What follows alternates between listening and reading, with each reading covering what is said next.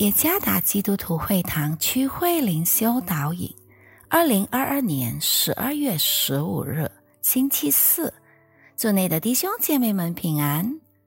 今天的灵修导引，我们将会借着圣经以赛亚书第四十章二十九节来思想今天的主题：软弱中的力量。作者沈天良传道。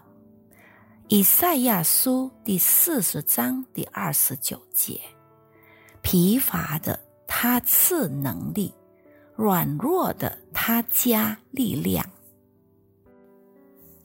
永不屈服，也许用来描写托马斯、阿尔瓦、爱迪生的座右铭最适合不过了。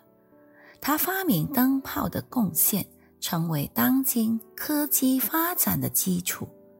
在还没有完全成功改良灯泡之前，他经历过上千次的失败。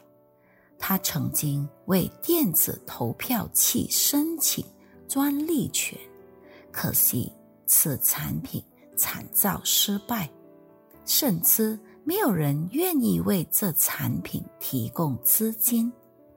然而，产品的失败却让爱迪生。领悟到发明创造消费者所需要的产品与市场研究的重要性。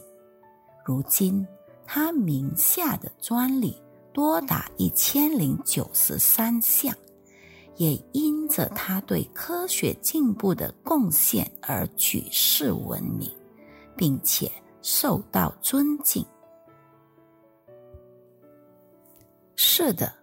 没有一个人的生命旅途是一帆风顺，就如博士寻找婴孩耶稣一样，他们需要经过漫长而艰辛的路程，千里跋涉，靠着东方星星的引领，往婴孩耶稣诞生的地点前行。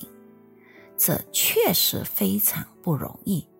博士们途中。将面对荒野猛兽的袭击、土匪强盗和变化莫测的天气的威胁。然而，当他们终于看见了婴儿耶稣时，这一切的付出对他们来说都很值得。我们当中，量也有不少人认为人生旅途。曲曲折折，崎岖难行。我们经常面对严峻的挑战和障碍，这种情况难免让我们感到绝望，容易怨叹并发怨言。这使我们无形中失去了内心的喜乐。然而，别惧怕，无论我们如今面对什么事。要相信上帝的同在是真实的，这样我们的生活就会有喜乐，我们也可以变得坚强，去面对所遭遇的一切。在神儿女的人生路途中，他总是与他们同在。愿上帝赐福于大家。